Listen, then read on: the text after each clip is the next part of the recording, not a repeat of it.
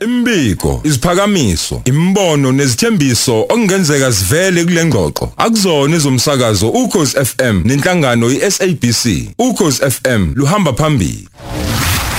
Uthando lomzali. luyaphilisa #masithandane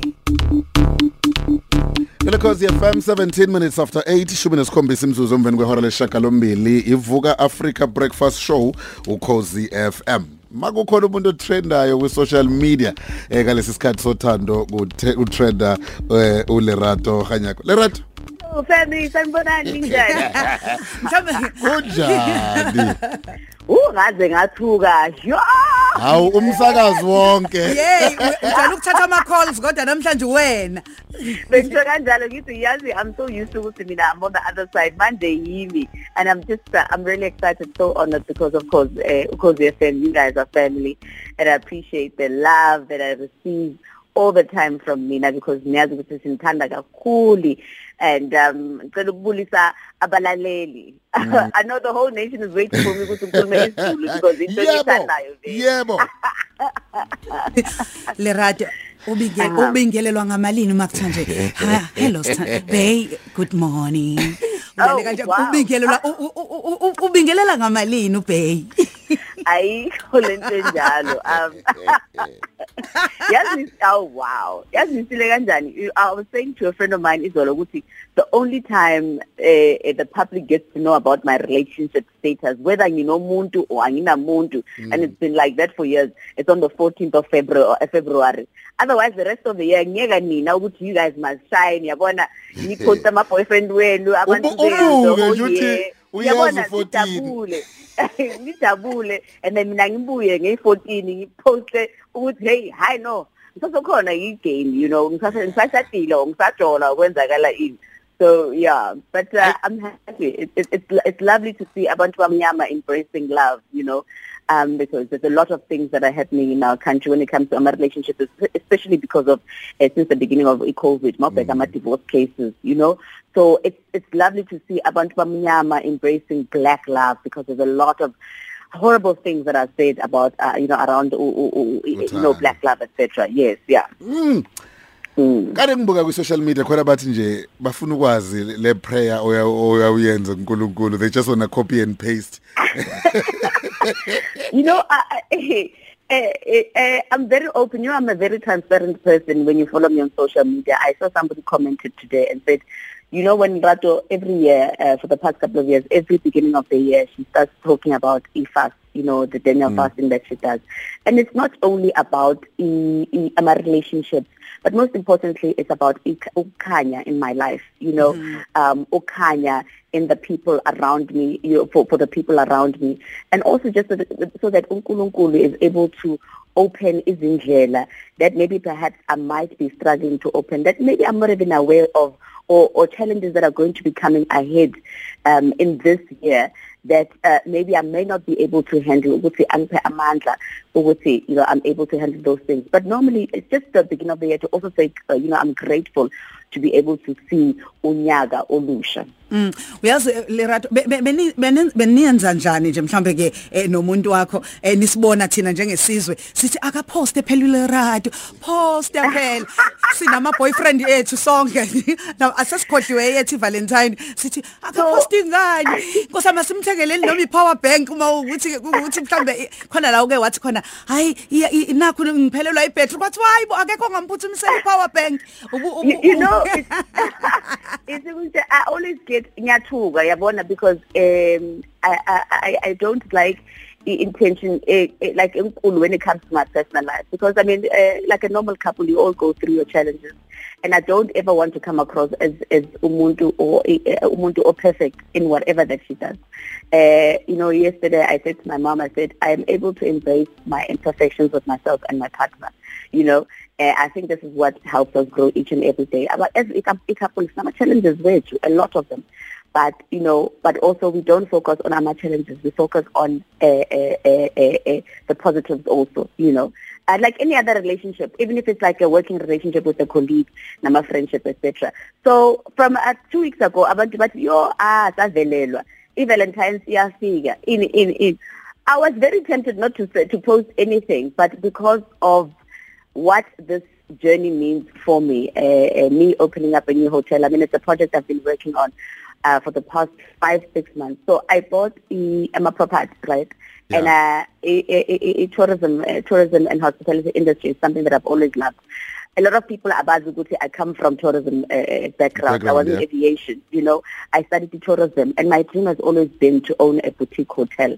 Um, and you know, I got this thing, and I thought I was going to do it on my own until my husband said, "Atigim, what's the uh, I see you're stressing. You're stressing about a lot of things. You're stressing about imali. You're stressing about funding. You're stressing about iti. Let me show you how much I appreciate you as umfazwami and how much I appreciate the fact that you uyasebenzela. You do all these things. What you just give me a month. Ngathi bazwenzani no PA. Ngathi labantu laba bazomosha and ngizobakwatela. you know. So for a month I didn't see the property. You know. Um, and I got to see the property with you all on the 14th of February. And I wanted to share that moment because it was also a very precious moment for me to be able to uh, tap into something that's very close to my heart that I speak about every day on Ishoyama Metro FM. Yeah. Uh, there's a huge unemployment rate in our country. You know, when I woke up on the 15th of February, mangiya phansi every day because I slept on the property. Uh, because I wanted to bless it. yeah yeah yeah Yabona, I woke up, there was a young gentleman, uh, maybe the age of 23, Mm. undlule through security, ha through just the driveway, uh, wahlala e-reception phakathi mm and waited for me. I got the fright of my life, firstly, mm but I was very humbled at that moment because I said, abantu baningi that are desperate for umsebenzi. yeah. And for lo mntwana lo ukuthi aphume through security where anything could have happened you know? Because people maybe will be scared ukuthi someone is trespassing the property because we haven't fully you know open fully. But wangena wathi yazi sisi all i want is for you to look at my cv that's it. I walked from wherever he walked from waza to the property. And it, just humbled me and but also it made me sad because if I could, uh, you know, I call myself mother, or the, the nation calls me mother for a reason. If I could, I could speak to our government and say, let's open a hotel that can give five million people umsebenzi. mm mm But I believe ukuthi the lit- the little that I'm doing now, I mean, with 50, I'm, I'm hoping to uh, at least employ about 50 people on the property. Uh, the little that I do, it does make a difference. Because already I have other things that I'm doing. I mean, I, I own a franchise. Mm. also, hire abanye abantu, whatever. So, i- employment, especially when it comes firstly to abantu abamnyama in our country, it's something that's close to my heart. I know it was about Valentine's Day, but I wanted to Yeah. share ukuthi there's a deeper meaning to this and that moment ukuthi I am able to help abantu basekhaya at least to minimize the unemployment in our country. and i'm sure futhi ngeke uzuze ukhale ngokubakhokhela because ama rate eno Uh, ama no, rate so that's what I wanted. So that's what I wanted to correct. No, no, no, no. So later we went lapaya. It was a package. It's not hundred thousand a room. So Okay. what we have, yes, it's a package. We've got standard rooms that start from a normal five thousand rand. Okay But that's that's also our fault. That's something that we are fixing. So we've got standard rooms that are that are starting for five thousand rand. So that one was a package for a penthouse, which comes with three other rooms.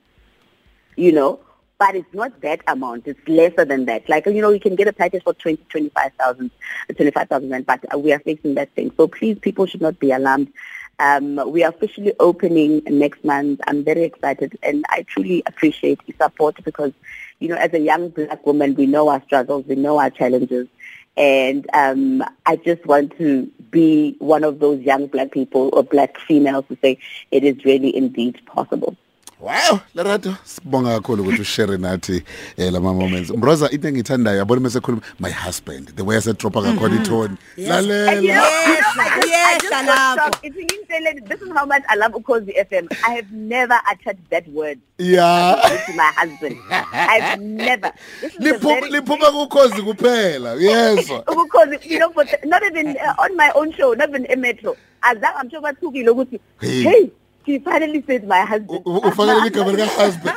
Azidlali kanjani? I uma senibabili uma nje senibabili impintshami yami, you know, hayi partner yami. Ah, whatever. isikhokho sakho. But, you know, it's Coco Sam, you know, ngithi hi my guy, my guy. Uh-huh. But no, he is my husband and um you know, it's it's yeah, he's really he's really really supportive, and I think as Abantu, this is one thing that we need when we go into a relationship to be able to support each other. It shouldn't be one-sided. Mm. Also, Nami, I'm also supportive in my own way. You know, I show my affection in a different way, and I show my support in a different way. Which obviously I won't have time to to ping you on social media because as much as I do share what yeah. happens on the 14th of Feb, I keep my personal life very private, very much to myself.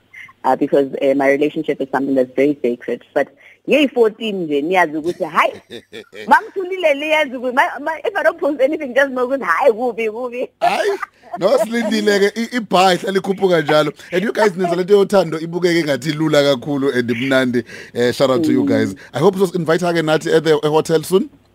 Oh absolutely listen absolutely. Ngicela ukuthi ngiphuma nini eThekwini I'm actually coming to Durban so maybe I'll pop into studio and sokhuluma kahle. I definitely would love the breakfast team to come. Please ukhozi FM come support me please. Mm. I'd love for you guys to Uzonke ukhumbulani mase uma kuthiwa nje zonke feelings ngoba siyamdedela um, manje. Ah ah ngeke ngeke usisi wami loya. You know I love uh, I, uh, you know when I love khona manje if you see there's a video that I posted um last night and there's an artist that I put uh, what do you call it uh, there's a song that I like from Uzuko SA from um he his song is always on a, a show called The Wife on Showmax and there's a song that I absolutely love that speaks about the challenges that um you know abantu bamnyama go through so I love artists that do meaningful music. You know, Zonke, that's why I love Zonke firsthand, number one for me, you know, uh, because Upala Umkulo, that is honest and that is pure. You know, she speaks about our experiences and she, she doesn't shy away mm. from speaking about the fact that we we've had our heart broken, we've, we've been disappointed, which I think a lot of people become shy about.